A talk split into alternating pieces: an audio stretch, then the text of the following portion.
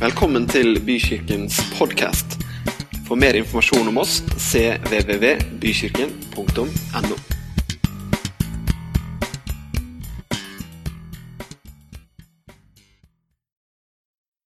Dere, Vi skal dele Guds ord sammen, og tro det eller ei Før jeg sier noe mer, så skal du bare få et bibelvers. Og det blir det eneste i dag. Nei, det er tulla. Hør hva det står i Salme 34. Herren er nær hos dem som har et nedbrutt hjerte. Og han frelser dem som har en knust ånd. Herren er nær hos dem som har et nedbrutt hjerte. Og han frelser dem som har en knust ånd. Er ikke det helt fantastisk at Gud han vurderer ikke om han skal dukke opp basert på hvorvidt du er på topp eller har det bra. Men han er nær hos dem som har et knust eller et nedbrutt hjerte. Han frelser dem som har en knust ånd. Tro det eller ei, men dagens inspirator til denne prekenen er ingen ringere enn Jonas Gahr Støre. Og du får ingen, eh, du får ingen sånne eh, sosialpolitiske eh, bemerkninger. Du får liksom ikke Arbeiderpartiets partiprogram på noen som helst måte. Men jeg ble skikkelig inspirert av nyttårstalen til Jonas Gahr Støre. Var det noen som så den? Den var knallbra! Jeg har nesten lyst å ringe og høre om han har skrevet den sjøl. Ikke fordi han kunne sikkert gjøre det, men det var noe der. Og tro meg, jeg har sett den flere ganger, for jeg tenkte denne skal jeg se igjen. Og det var én setning som gikk igjen gang på gang. Og Dere skal få et par utsnitt av vår kjære statsministers nyttårstale. Ikke med lyd. Men hør her. Det ene han sier, er altså vissheten om at vi ikke er maktesløse i møte med store krefter. Da sa jeg amen. Vissheten om at vi ikke er maktesløse i møte med store krefter. Altså, Nå vet jeg at han er gift med en prest og sikkert hører god forkynnelse fra tid til annen, men jeg tenkte nå preker du, Jonas. Dette er veldig bra. Han snakker om en visshet om at ikke vi er maktesløse i møte med store krefter. Vi må ta neste bilde også.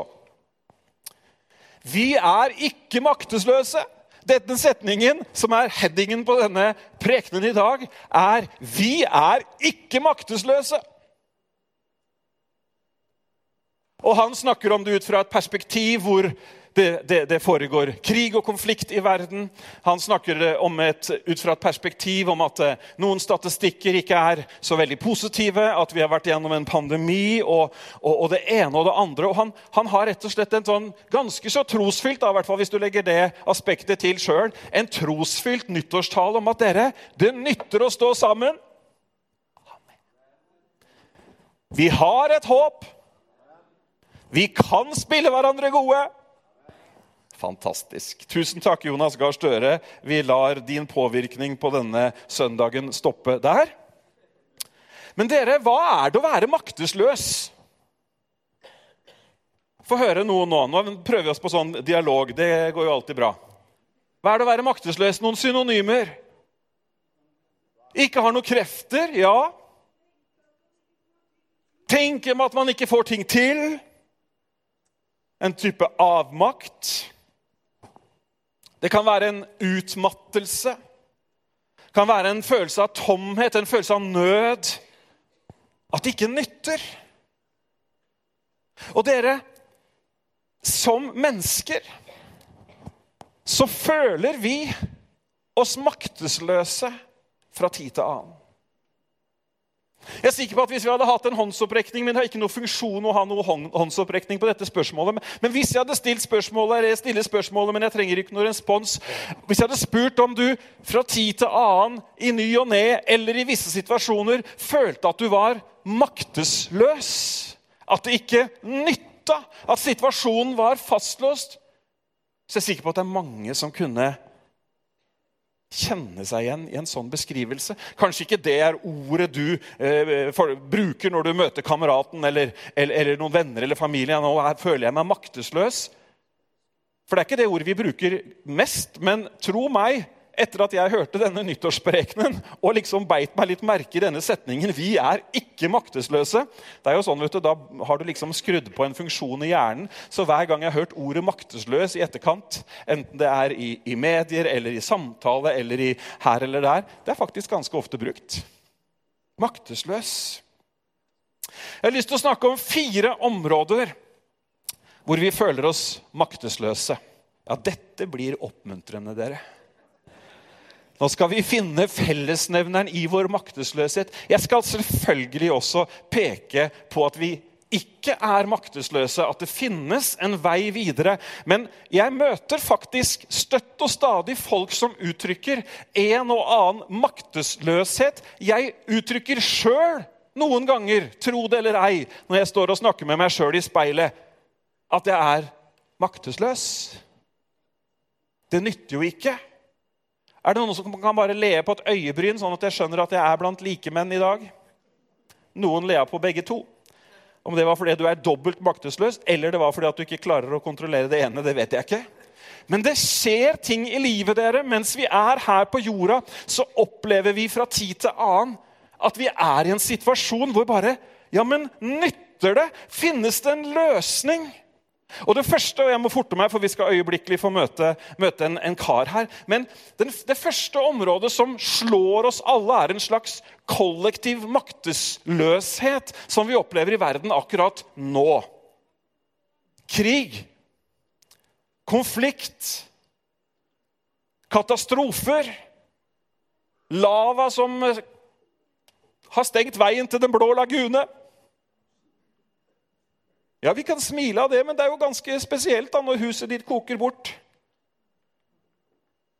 Men det er en slags maktesløshet som vi opplever, og som vi lurer på ja, nytter det nytter det å sende penger. Nytter det å engasjere seg? Hvordan skal verden bli? Hvor skal dette ende? Det skjer jo så mye, og jeg, jeg er jo sånn som syns det er litt morsomt med ulike statistikker, videre, men en del statistikker er jo ikke morsom å lese i det hele tatt. Vi har noen statistikker som snakker om økonomisk framgang, og som snakker om at vi, vi, vi, på en måte har en bedre verden enn vi har. Men så har vi noen statistikker eh, inni de statistikkene som snakker om utfordringer, psykisk helse, relasjoner, ensomhet, misbruk, voldtekter, pornografi. Altså Vi har mange ting også som, som fyller på en måte bilde av den verden vi omgir oss, og noen ganger så ender vi opp med å bli maktesløse. Som kristne så har vi et stort fortrinn når det gjelder å møte akkurat denne formen for maktesløshet. Og det er fordi at eh, vi vet Bibelen lærer oss, Guds ord er tydelig på at vi som mennesker vi er her på jorden en kort periode av et mye større og lengre perspektiv. Som kristne så har vi et håp som ikke verden har. Vi har et håp om at det kommer en verden etter denne verden. Når det er slutt tilsynelatende her nede, så er det, ikke, er det ikke slutt fordi vi er skapt gudlike. Vi er skapt med en evighet. Og Bibelen beskriver en himmel hvor ikke det skal finnes sorg og smerte. Hvor vi skal være sammen med vår skaper og vår far til evig tid. Og jeg tror kanskje at den beste medisinen på denne maktesløsheten som vi kan oppleve i hele verden rundt oss, er når vi tar vår lille fortelling og plasserer den inn i den store fortellingen og skjønner at det er en hensikt, det er en plan, det finnes et utkomme. Og i alle tider, dere Det har vært vanskelige tider før 2024. I alle tider, både på regionalt og nasjonalt plan, men også på det personlige plan, så har dette håpet vært det som har styrket mennesker i den hardeste motgang. som har gitt styrke til å bli stående, som har gitt styrke til å fortsette, fordi at det, det finnes et annet hjemland. Det er den beste måten å møte den maktesløsheten på. Det finnes annen, et annet område også vi kan kjenne på en maktesløshet, og det er når vi Det er når vi ser menneskene rundt oss. Både de litt fjerne og de som er helt nære.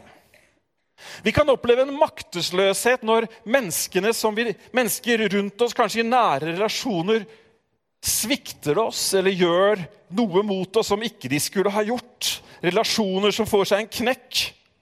Vi gir opp. Når ikke vi opplever den store kjærligheten, eller når vi ikke opplever at vi får den respekten eller den empatien som vi burde ha som mennesker, så kan vi bli litt sånn maktesløse. Ja, jeg får vel bare sitte her, jeg, da. Og lignende uttalelser. Bibelen snakker om relasjonene rundt oss med et utrolig velartikulert kjærlighetsspråk. Bibelen snakker om menneskelige relasjoner som noe som mellom oss som troende spesielt skal være nært og kjærlig. Jesus sier, 'Dette vil jeg si dere, elsk hverandre'. Elsk hverandre på samme måte som jeg har elsket dere.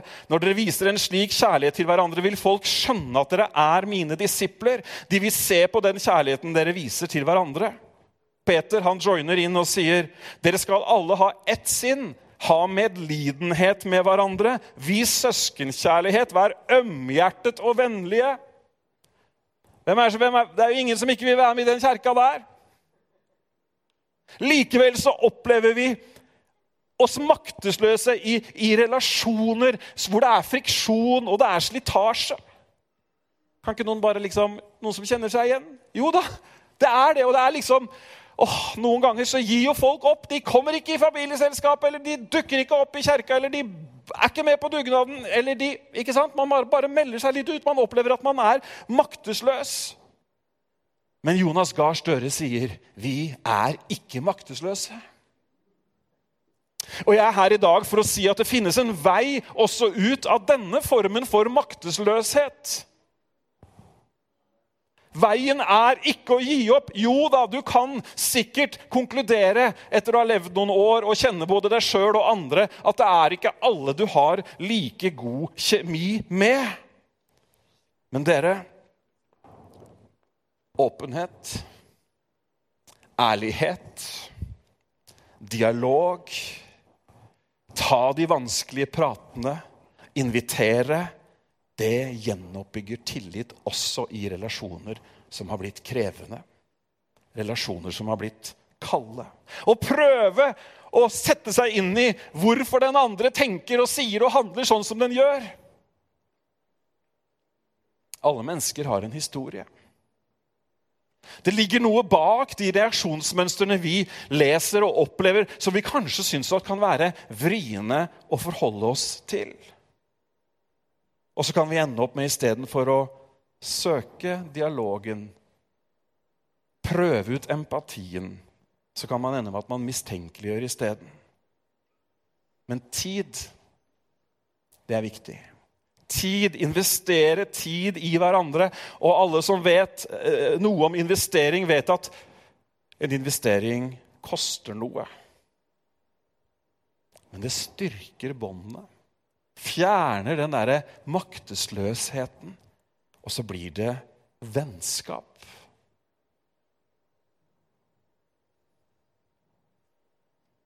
Jeg håper at du lar deg utfordre jeg lar meg utfordre. Men dere, nå, er, nå kommer vi til neste situasjon av maktesløshet som er ubehagelig nær. Det er når vi ser oss i speilet og ser bare oss selv. Og så tenker man det her nytter ikke. Og nå snakker jeg ikke om kroppsbygging eller vektreduksjon. Man bare møter seg sjøl i døra så skikkelig at man tenker at ja, ja, nå har det liksom Nå er vi der igjen, ja. Noen som kjenner seg igjen? Men ikke bare i speilbildet. Vi kan også kjenne på en personlig maktesløshet når vi gir etter for fristelser som vi egentlig ikke ønsker å gi etter for. Når vi egentlig har sagt at 'det der skal jeg slutte med', og så gjør man det en gang til. Og så skjer jo det når man har hatt noen sånne repetisjoner, at man til slutt ender opp med Og det er jo der jeg håper at vi ikke skal ende opp. Det er jo der jeg, det er derfor jeg snakker om dette i dag. Ganske praktisk søndagsundervisning.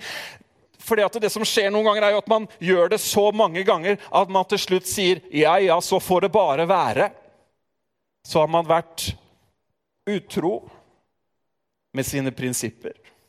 Man har gått på kompromiss med de verdiene man har i livet, og kanskje også med troen. Vi blir fanga, vi føler oss maktesløse, for vi har tatt noen valg som vi egentlig vet at var feil. Og fordi vi tok de valgene, så er det akkurat som vi tillater oss selv å fortsette å ta de valgene. Og så plutselig så sier mennesker til meg at så befinner de seg i en situasjon hvor de tenkte Hvis du hadde spurt de ti år før, så hadde de tenkt jeg hadde aldri trodd jeg kunne havne der. Hva er det som har skjedd? Jo, det er denne maktesløsheten i møte med oss selv, med egne utfordringer, hvor vi lar verdiene, vi lar troen vår få lide. Eller vi gir den ikke plass, om du vil.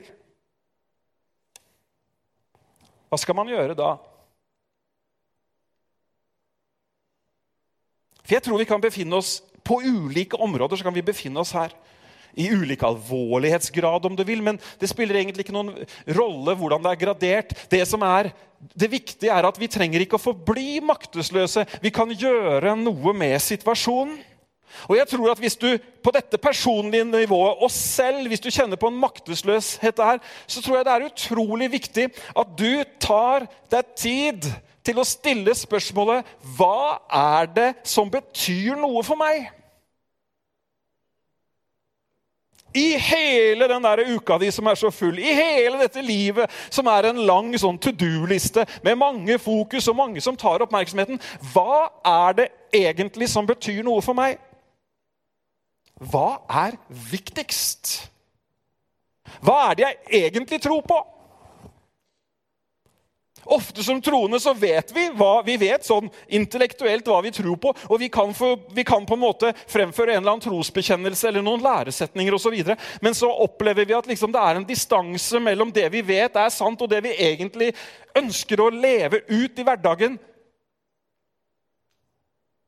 Og så opplever vi en type maktesløshet. Og så tenker man det finnes ingen vei tilbake. Hør her. Det finnes en vei tilbake. Gjenoppdag det som er viktig for deg.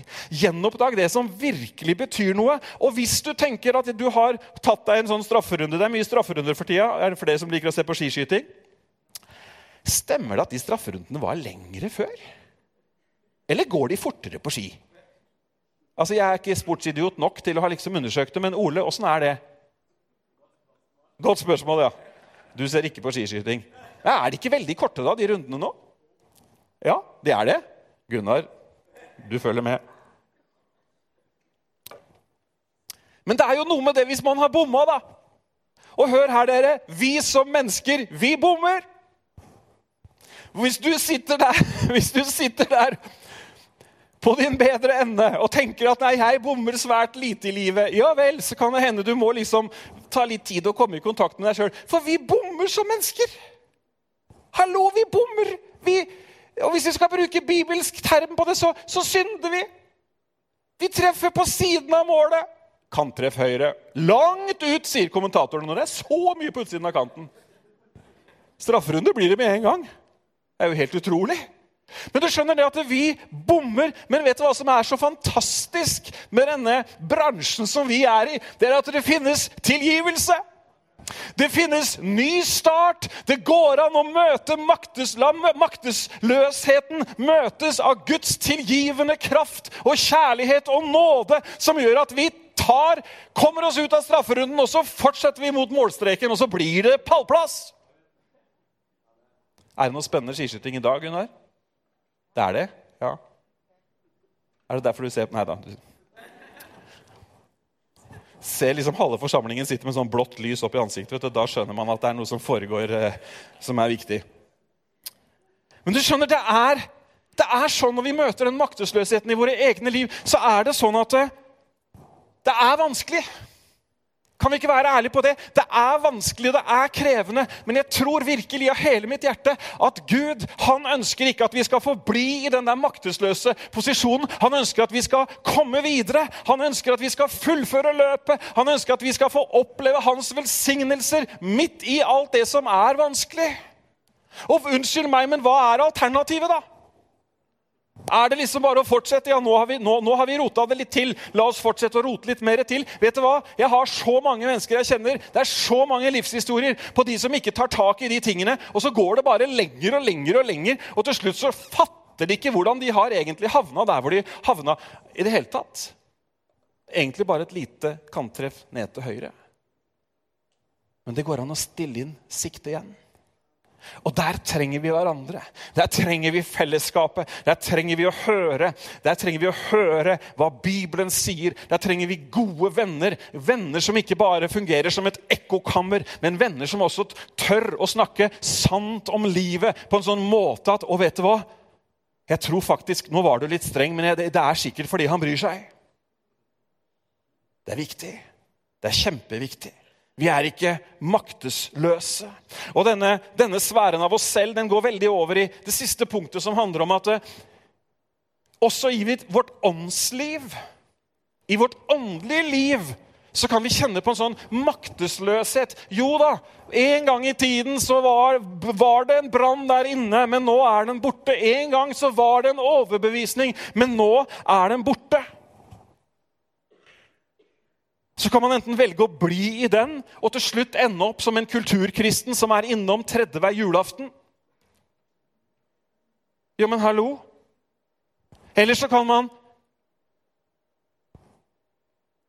justere siktet. Eller så kan man søke inn mot det som faktisk vil fornye, det som vil gi kraft, det som tar maktesløsheten bort, sånn at man kan fortsette.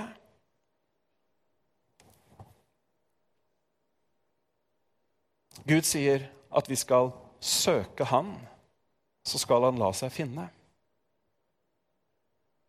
Det er alltid alvorlig å snakke med mennesker som opplever å komme i en troskrise opplever at det de har trodd, de klarer ikke helt å tro det lenger. Eh, det skjer ofte kanskje i forbindelse med et miljøskifte, med, med, med omgangskretsskifte osv. Så, videre. så plutselig så er det som var så eh, fundamentalt, og det som var så stødig, og det som hjertet var så fullt av, plutselig så er det liksom kommet litt mer sånn bort. Du kjenner sikkert det igjen, eller kjenner noen kjenner det igjen i andre.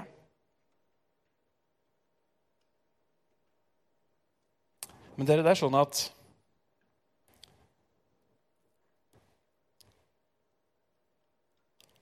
Det er sånn at hvis du bare vanner grusen, så blir ikke gresset grønt. Tenk deg at du står der i hagen, og du har en plen, og heten kommer. Spørsmålene, tvilen, klima, det ene og det andre kommer. Men du står der og det er vannslangen. Den er retta mot grusen eller, eller belegningsstein hvis du er like velsigna som meg. Da vokser ikke gresset. Gud sier at vi skal søke Han.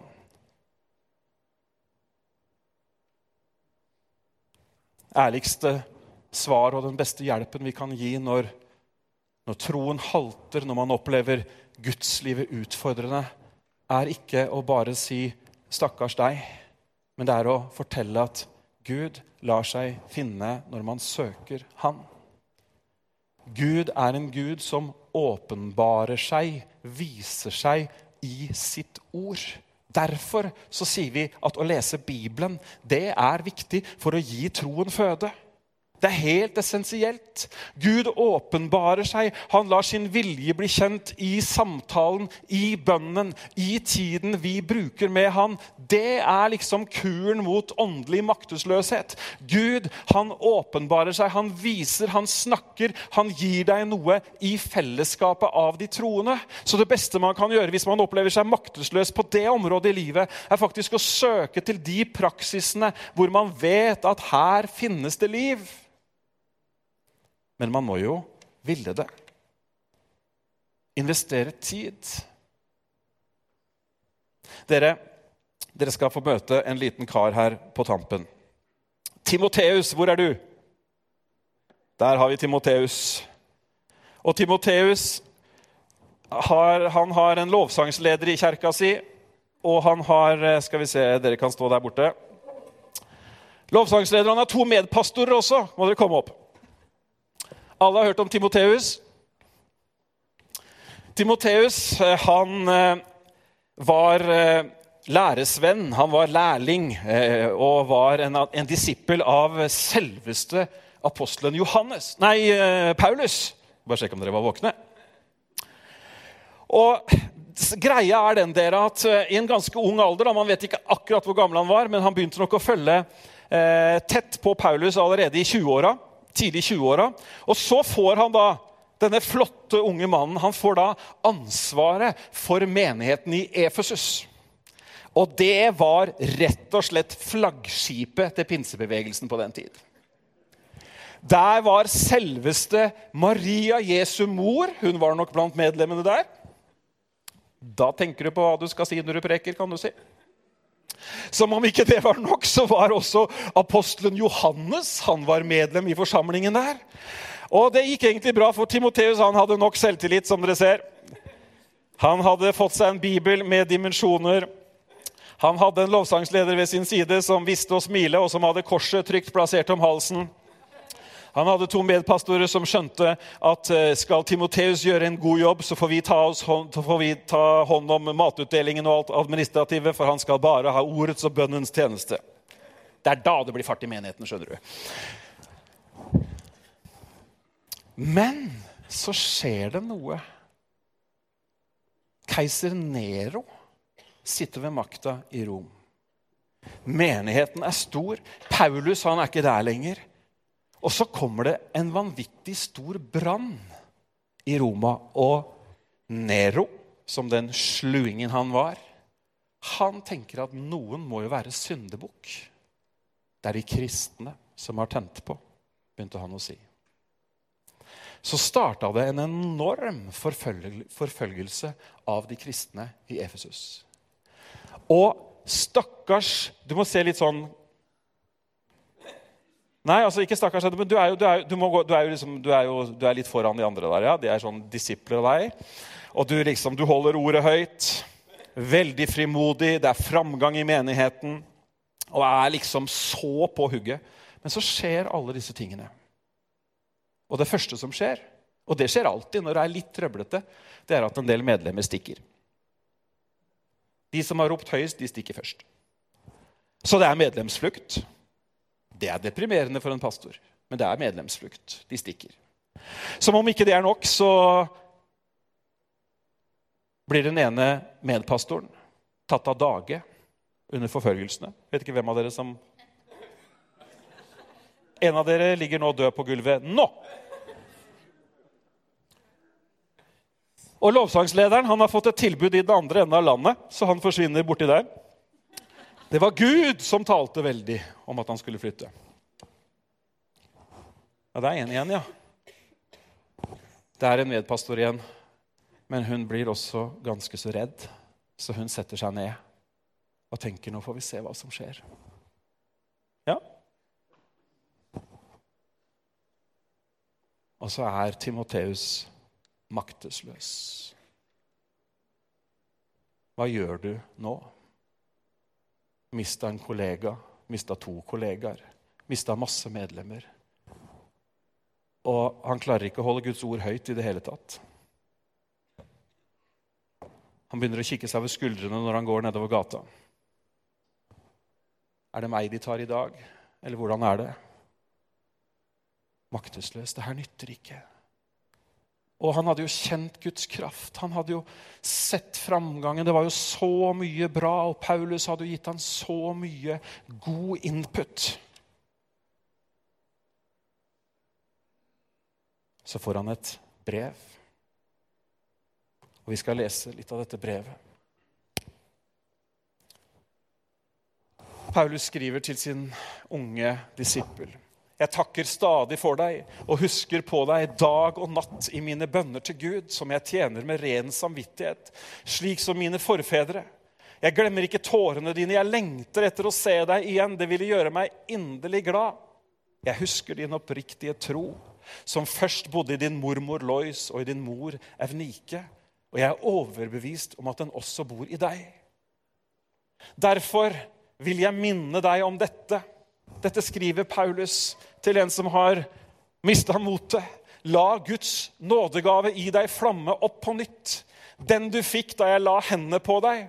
For Gud ga oss ikke en ånd som gjør motløs. Vi fikk ånden som gir kraft, kjærlighet og visdom.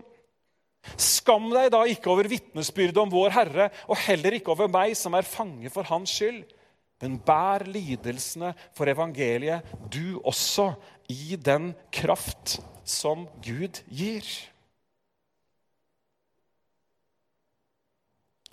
Midt i den håpløse situasjonen til Timoteus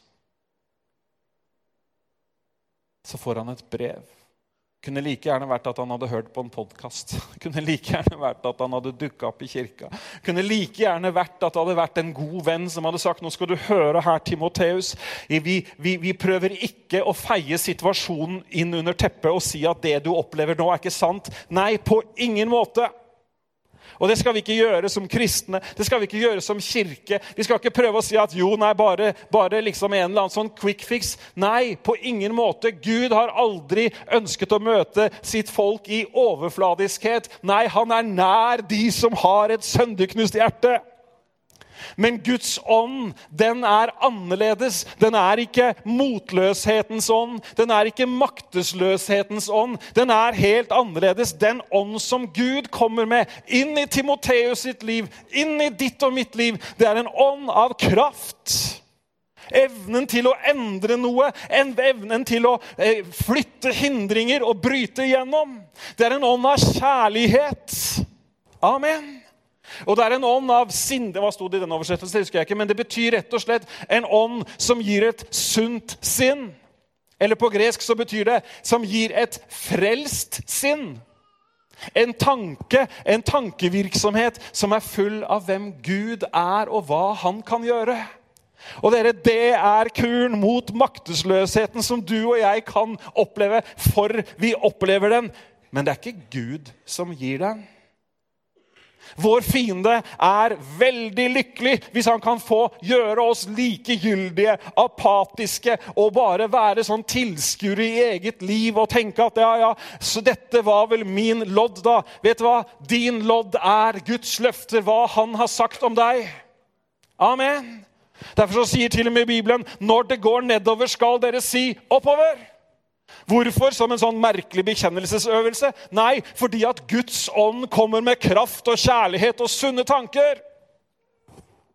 Og kunne du ha sagt halleluja? Du kunne sagt amen. Og så fortsetter han, og det er der vi skal avslutte. Han fortsetter nemlig å, å preppe hjelpe Timoteus. Og han sier, du vet, Timoteus, husker du brevet jeg skrev til romerne? Der står det at 'jeg skammer meg ikke over evangeliet'. Hvorfor? Jo, fordi at det er en Guds kraft til frelse for alle dem som tror. Guds ånd kommer med endringskraft, kommer med nytt mot, kommer med ny retning. Vet du hva? Har, det er så mange, mennesker jeg kjenner, så, så mange mennesker jeg kjenner opp gjennom livet som har vært så langt nede, som har vært så maktesløse, men som har åpnet seg opp for Guds ånd. Og han har reist dem opp, og noen har han reist opp gang på gang, og det er like herlig hver gang.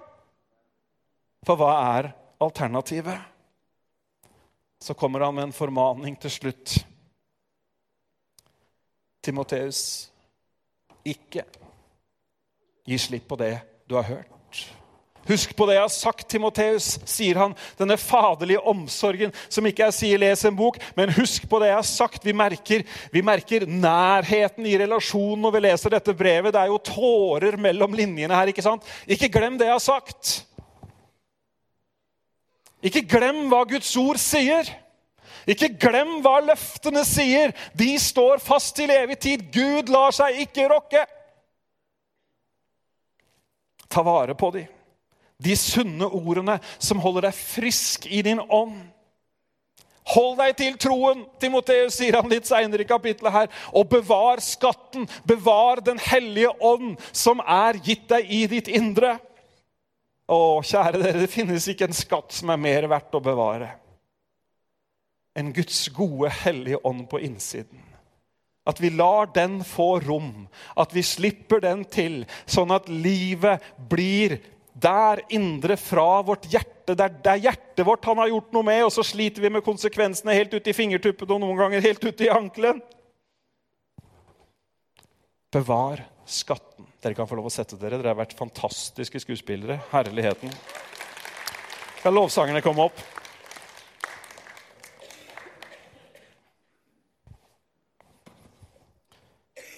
Vi er ikke maktesløse.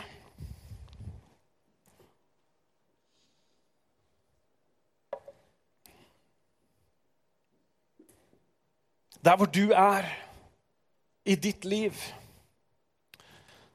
det her, sikkert, det her kan treffe på, på, ulike måter. Sånn er det. Guds ord er levende. og det,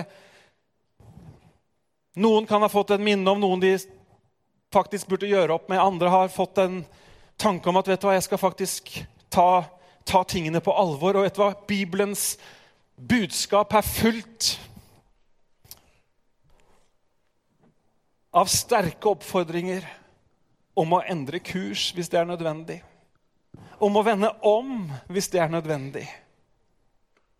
Vet dere ikke, sier Guds ord, at Guds kjærlighet leder oss til omvendelse?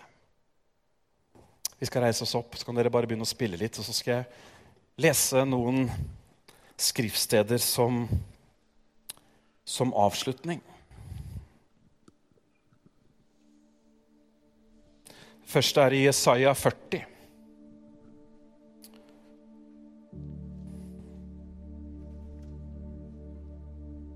Kjenner du ikke til det?